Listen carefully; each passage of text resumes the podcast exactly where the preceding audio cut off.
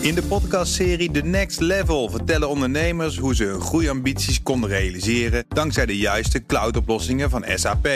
Wat waren de uitdagingen, de oplossingen en hoe ging de uiteindelijke implementatie? Benieuwd naar hun verhalen en hoe zij met behulp van SAP ook hun toekomstige ambities kunnen behalen? Luister de podcast The Next Level via de BNR-app of je favoriete podcast-app.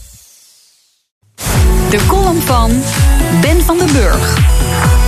De verdorvenheid neemt heftige vorm aan. Uit het AD.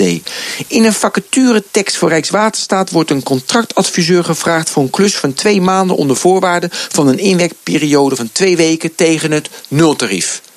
Ook de Rabobank schijnt tijdelijke ICT-specialisten voor een periode gratis te laten werken.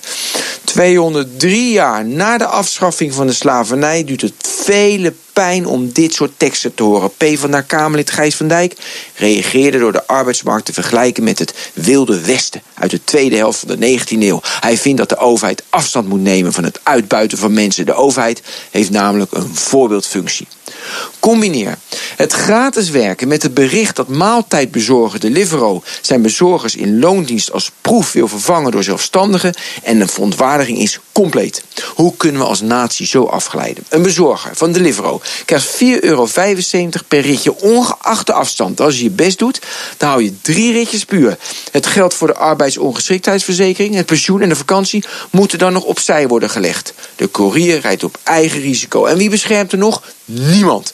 Hij mag dan minder belasting gaan betalen omdat hij gaat genieten van de zelfstandigheidsaftrek. Voor de lange termijn komt hij in de problemen vanwege het gebrek aan pensioen en de verzekeringen die hij moet afsluiten. En natuurlijk, dit ligt allemaal veel genuanceerder. De zelfstandige courier krijgt vrijheid en meer keuzemogelijkheden, omdat hij kan rijden voor meerdere bezorgservices. De ZZP'er geeft vaak korting als hij voor een langere periode wordt ingehuurd. Of je nu een lage uurloon krijgt zonder proefperiode of een gratis proefperiode accepteert met een hoger uurloon, dat komt op hetzelfde neer. Daarbij komt dat slavernijafspraken voor de opdrachtgever op de lange termijn schadelijk zijn. Dat Uber zijn chauffeurs onderbetaalt knaagt aan de reputatie van het zogenaamde deelplatform. Hetzelfde geldt voor Rijkswaterstaat, de Rabobank en Deliveroo. Ze kunnen mensen het vel over de oren trekken. Uiteindelijk kost het bedrijven meer om als onbetrouwbaar, glad en vals te worden beticht. De belangrijkste nuance ligt echter in onze keuzevrijheid. Je kunt als zelfstandige altijd een opdracht weigeren.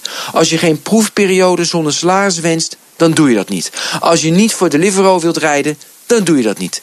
Er zijn echter ook mensen wanhopig en moeten iedere klus aannemen omdat ze anders de hypotheek niet kunnen betalen. Deze groep heeft geen vrije keuze. Ze zijn overgeleverd aan de Rijkswaterstaatjes, de Rabobankjes en de Deliverootjes van deze wereld. En daar word je niet vrolijk van. Ja, dat zei Ben van den Burg in zijn column. En die kunt u teruglezen en luisteren op bnr.nl en via de... In de podcastserie The Next Level vertellen ondernemers hoe ze hun groeiambities konden realiseren dankzij de juiste cloudoplossingen van SAP.